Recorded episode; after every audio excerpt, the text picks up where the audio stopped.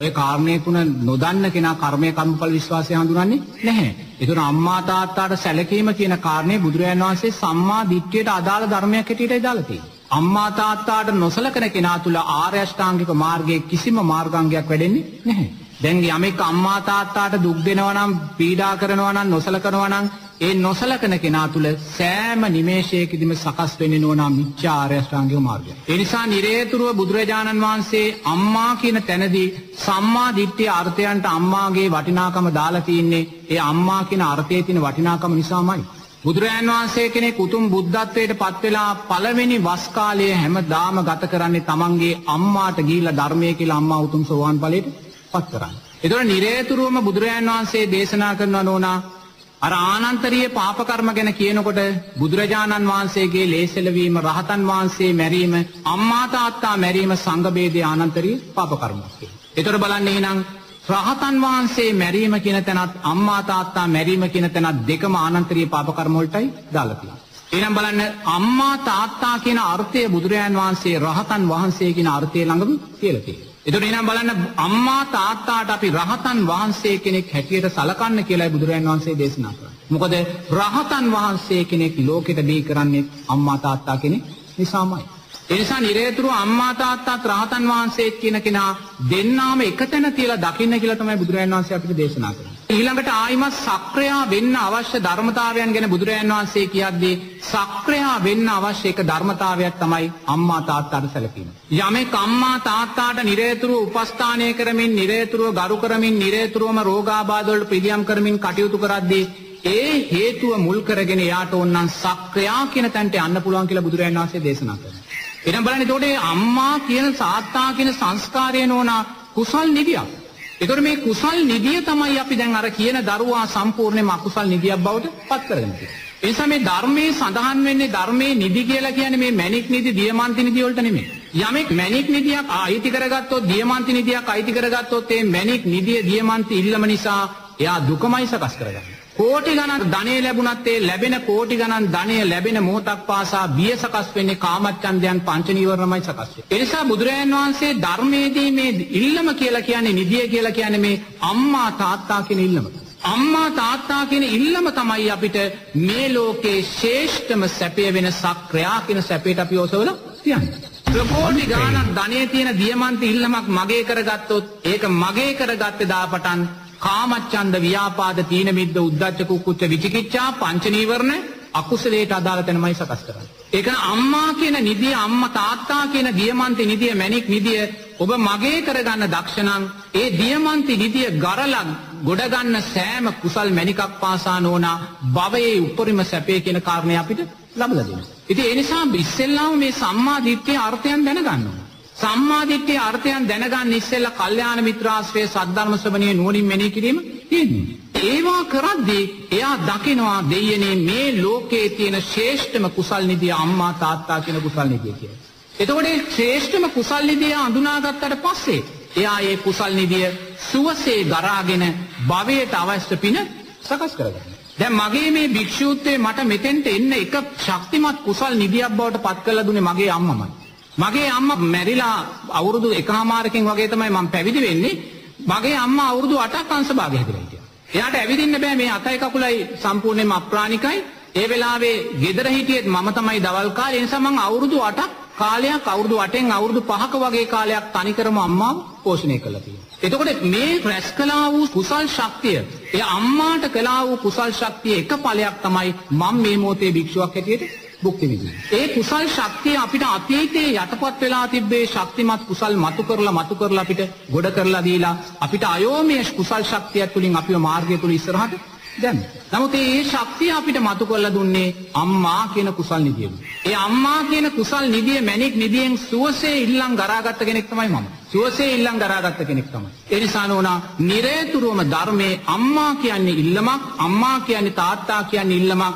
ඒ ඉල්ලමෙන් ගරාගන්නා වූ කුසල් සංස්කාරමයි නොනා ලෝකේ සැබෑම සැපේට අපි ඔසවලා තියෙනවා. ඒ නිසා ඔබ අම්මා කියන ඉල්ලම අම්මා අතතුටෙන් තැබලා අම්මාට දුක් දීලා ඔබ සෑම නිමේෂයකදීම අම්මා කියන ඉල්ලමෙන් ගරාගන්නේ අකුසල් සංස්කාරයක්මයි. ඒ අකුසල් සංස්කාරයන් නොනා රහතන් වහන්සේ කෙනෙකුට පීඩා කළාහ බලවත් අකුසලයන් කරාපිව අරගෙන. එවැනි බලවත් අකුසල් අපිට විපාක දෙන්නේ කුමක් නිසාද ඊළඟ ජීවිතයට යන්න ඉස්සෙල්ලා මේ ජීවිතේදීම අම්මා තාත්තාට පීඩා කළොත් ඒ පීඩාව නිසා ඒ පීඩා කරපු දරුවන් වැඩිවියටපත් වෙලා දුවා දරුවෝ හැදුවට පස්සේ ඒ දුවා දරුවන් විසින් අර දරුවන්ව පීඩාවට අම්මා තාත්තා පීඩාවට පත් කරනවා. ඒ ඕක තමයි වෙන්නේ. හුඟක් අම්මා තාත්තා පීඩාවට පත් වෙන තැන්වල හොයලා බැලුවොත් ඒ අම්මා තාත්තා තමන්ගේ අම්මා තාත්තාට පීඩා කරලා තියෙන්නේ.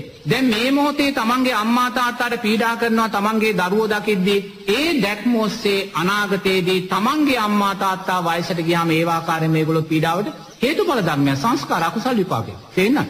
ඒක මෙලොවදී මේගොල්ලෝ විපාක විඳිනවා. ඉන් පස්සේ ඒගොල්ලෝ ඊළඟ ජීවිතයේ උප්පත්තියක් ලබද්දී අනිවාර්යෙන්ම ඉපදෙන වෙලාවෙම අම්මා මැරෙනවා. සමහරවිට ඉපදිලා අවුරුද්දෙන් දෙකෙන් අම්මා මැරෙනවා. නැත්තම් අම්මා දාලා යනවා.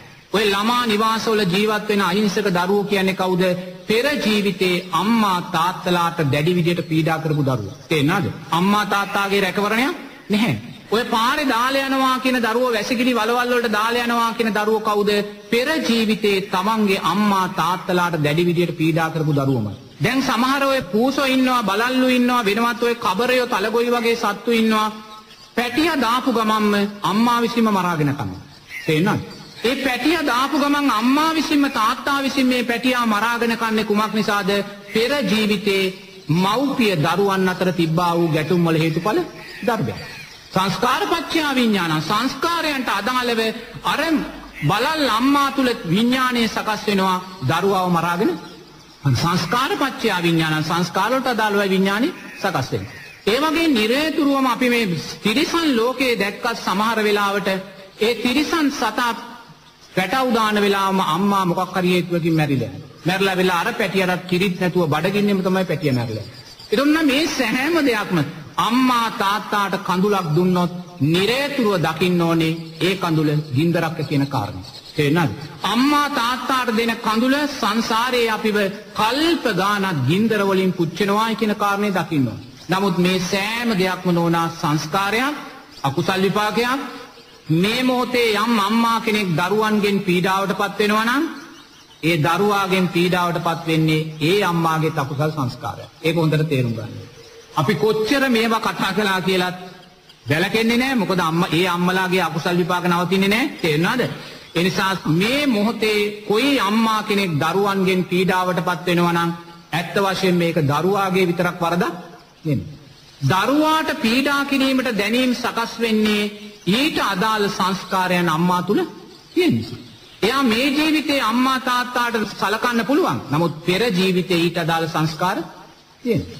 ඒ නිසා නිරේතුරුවම මේවා නෝන අපි කතා කළා කියන තැනින් කවදාකවත් මේ ප්‍රශ්නේ විසඳෙන්නේ. ඒකයි මං කිව්වා අපිට ලෝකේ හදන්න බෑ. මේවා දැකලා මේවා කමටහනක් කරගෙන ධර්මානුකූලව ජීවිතය දැකලා අපි මේවැයින් මිදෙන්න ඕනේ කියන කාරණය සකස් වෙනවා. ඉතින් ඒවාට අපිට මේ ජීවිතයේ අධ්‍යාපන පුරුදු විතරක් වැඩක් නැහැ නෝනා සාංශාරික පුරුදුත් අපිට තියෙනවා. ඒ සාංශාරික පුරුදු විසිනුයි මේ ජීවිතේ අපිට පුරුදු සකස් කරලා දෙනවා. සාංශාරික හුරුවක් නැත්තම් කවදාකවත් කොච්චර අපි ඉගෙනුවත් නෝනා අපිට කවදාකවත් මේවා සකස් වෙන්නේ නැහැ. ඒ කියන්නේ අම්මා තාත්තාට නොසලකීම සම්මාදිට්ඨියේ දුර්වලභාවයක් සම්මාදිට්ඨිය දුර්වල කුමක් නිසාද? කල්යාණ මිත්‍රාශ්‍රය සද්ධර්ම ශ්‍රවණයේ නුවණින් මෙනෙහි කිරීම. ඔච්චර ඔතන තමයි තියෙන්නේ. ඒ නිසා අම්මා තාත්තලාට දුක් දෙන්න එපා කියලා කොච්චර කිව්වත් වැඩක් නැහැ. තේරෙනවද? එයි ඊට හේතුවටයි පිළියම් කරන්න ඕනේ. මොකද්ද හේතුව? කල්යාණ මිත්‍ර ආශ්‍රය තුලින් ඒගොල්ලන්ට කියලා දෙන්න ඕනේ අම්මා තාත්තා කියන්නේ කුසල් නිදියක් කියන කාරණා. යමෙක් අම්මා තාත්තාට සලකනවා නම් නෝනා ඒ සැලකීම තුල ලබන්නා වූ ආනිසංසයන් එයා මේ ජීවිතය තුලදීම ලබනවා. මේ ජීවිතය තුළදීම ලබනවා. මොකද බුදුරජාණන් වහන්සේ රහතන් වහන්සේ කියන තැන තියලා තියෙනවා. අම්මා. මොකද මම මේ අත්දැකීම තුලින් අම්මා තුලින් ගන්න තියෙන සැබෑම කුසලයේ ගත්ත දරුවෙක්. මම අත්දැකීමක් තුලින් මං කියන්නේ. මේ කුසල් නිදිය කවදාකවත් අකුසල් නිදියක් බවට පත් කරගන්න. එනිසා මේක සුවසේ දරා ගන්න ලැබෙන අම්මාගේ කඳුළු බිඳුවක අම්මාගේ මුත්‍රා බිඳුවක අම්මාගේ මුත්‍රා තැවුණු රෙද්දක නෝනා සක්‍රියා වීමට අවශ්‍ය සාධක තියෙනවා. නමුත් අපි ඒ සාධක නෙලාගන්නේ නැහැ. ඒ සාධක නෙලා ගන්න නැතුව අපි උදේ ඉඳන් කුඹුරු කොට කොට රස්සා කර කර කන්තෝරු ගිහිල්ලා හම්බු කරන්න යනවා. සක්‍රියා වෙන්න අවශ්‍ය දේ මෙතන අපි අතහැරලා ගන්න. බලන්න කොච්චර මෝඩකමක්ද කියලානේ. අරසා ශාස්ත්‍රීක කල්ප ගණන් දිව්‍යාංගනාව පිරිවරාගෙන දිව්‍ය ඕජාව, දිව්‍ය තේජස්, දිව්‍ය අසිරිය පිරිවරාගත්ත සක්‍රයා වෙන්න අවශ්‍ය ධනයක් අතහැරලා දාලා අපි ගිහිල්ලා පැයාටේ රස්සාව කරලා රුපියල් 1000ක් හොයනවා. තේරුණාද? ඈ අරසා දෙයක් ගෙදර තියෙනවා. නේ? අරසා ශාස්ත්‍රීක සැපයක් ගෙදර තියෙනවා. එයි මේක දකින්නේ නැත්තේ සම්මාදිට්ඨිය දුර්වලයි. සම්මාදිට්ඨිය දක්ෂ කෙනා එයා රාජකාරියක් කරලා මෙතන තියෙන සැපයත් එයා මතු කරලා ගන්නවා. මොකද මෙතන සක්‍රිය වෙන්න අවශ්‍ය සැපේ තියෙනවා. තේරෙනවද? මේ පැයටක් වැඩ කළා මාසයන්තිමට රුපියල් 50000ක් ගන්නව නෙමෙයි. කිසිම බාධාවකින් තොරව කල්ප ගානක් දිව්‍ය සැප විඳින්න සක්‍රියා කියන සැපේ මෙතන තියෙනවා අම්මලා. තේරෙනවද? ඒ සක්‍රියා කියන සැප විතරක් නෙමෙයි රහත් ඵලයට සෝවාන් ඵලයට අවශ්‍ය සාධකත් මෙතන තියෙනවා. ඒ නිසා අපි දක්ෂ වෙන්න ඕනේ අම්මා කියන තාත්තා කියන චරිතය තුල නෝනා දිව්‍ය සැපේ සක්‍ර සැපේ වගේම භව නිරෝධයට අවශ්‍ය සාධක සැඟවිලා තියෙනවා කියලා. ඉතින් ඒක මතු කරලා දෙන්නේ සම්මාදිට්ඨිය තුලින්. මට මතකයි මං එක්තරා අවස්ථාවක ඔය රෝගී වෙච්ච මුල් අවස්ථාවේ ඔය අපේ අම්මා එක රෝහලක හිටියා. ඒ අම්මා ඊට වෙලාවේ සිංහල බෙහෙත් කළේ. දැන් සිංහල බෙහෙත් කළාම හැමදාම රාත්‍රී 6 ඉඳන් උදේ වෙනකම් මං තමයි අම්මා ළඟ ඉන්නේ. එතකොට කසාය අරිෂ්ඨ තමයි දෙන්නේ. ඒ දෙනකොට එයාට ගොඩාක් වැසිකිලි යනවා. දැන් මං හැමදාම හවසට යද්දී මං හැමදාම ඒ ඊට අදාළ අර කොළ අරවා මේව අරගෙන තමයි යන්නේ. අම්මා හැමදාම රෑ 7 මාර වෙනකොට වැසිකිලි යනවා. දැන් මේ කටයුතු ඔක්කොම සිද්ධ කළාට පස්සේ දැන් එක දිගටම සතියක් විතර ඉඳලා එක දවසක අම්මට වැසිකිලි ගියේ නැහැ. නමුත් නෝනා මට ඒ වැසිකිලි නොගියාය කියන කාරණය මට දැනුනේ නෝනා මගෙන් අවුරුද්දක් යමෙක් වැඩ අරගෙන පඩි නොදී මාවේ එළෙව්වාම ඇතිවෙන්නා වූ දැනීමක් තියනවාද මට එදා දැනුනේ එහෙම දැනීමක්. තේරෙනවද? මොකද මං ඒ ඒ තුලින් ඒ සා කුසල් ආස්වාදයක් ලැබුවා. මට මතකයි එක රාත්‍රියකට ඒ අම්මර කසාය බීම නිසා රැට පස්වතාවක්වත් මුත්‍රා කරනවා. ඒ මුත්‍රා කරන පාරක් පාසාර ඇඳට දාලා තියෙන රෙද්ද තෙමෙනවා. මම එක රෑට ඔය රෙදි හය හෝදලා තියෙනවා ෆෑන් එක යට දාලා නැවත දාන්න. මොකද ඒසා අම්මා කියන නිදියෙන් නෝනා ගන්න තියෙන කුසල් ගරාගත්ත කෙනෙක් මම. මගේ අම්මා කියන නිදියෙන් ගත්තේ කුසලයේ 150ක් මගේ ජීවිතේ මොකක් කර ශක්තියක් තියෙනවා නම් මගේ අම්මා කියන නිදියෙන් තමයි මේ කුසල් ශක්තිය මතු කරලා ඒකයි මං කිව්වේ අම්මා කියන තාත්තා කියන ශ්‍රේෂ්ඨ කුසල් නිදිය තුල ඔබට සක්‍රියා වෙන්න අවශ්‍ය සාධකක් තියෙනවා. ඔබට භව නිරෝධයට අවශ්‍ය සාධක දෙකම සැඟවිලා තියෙනවා. නමුත් ඔබ මේ දෙකටම පයින් ගහලා ගන්න අකුසලේ නම් පුතේ කර අපරාධයක් ඒක.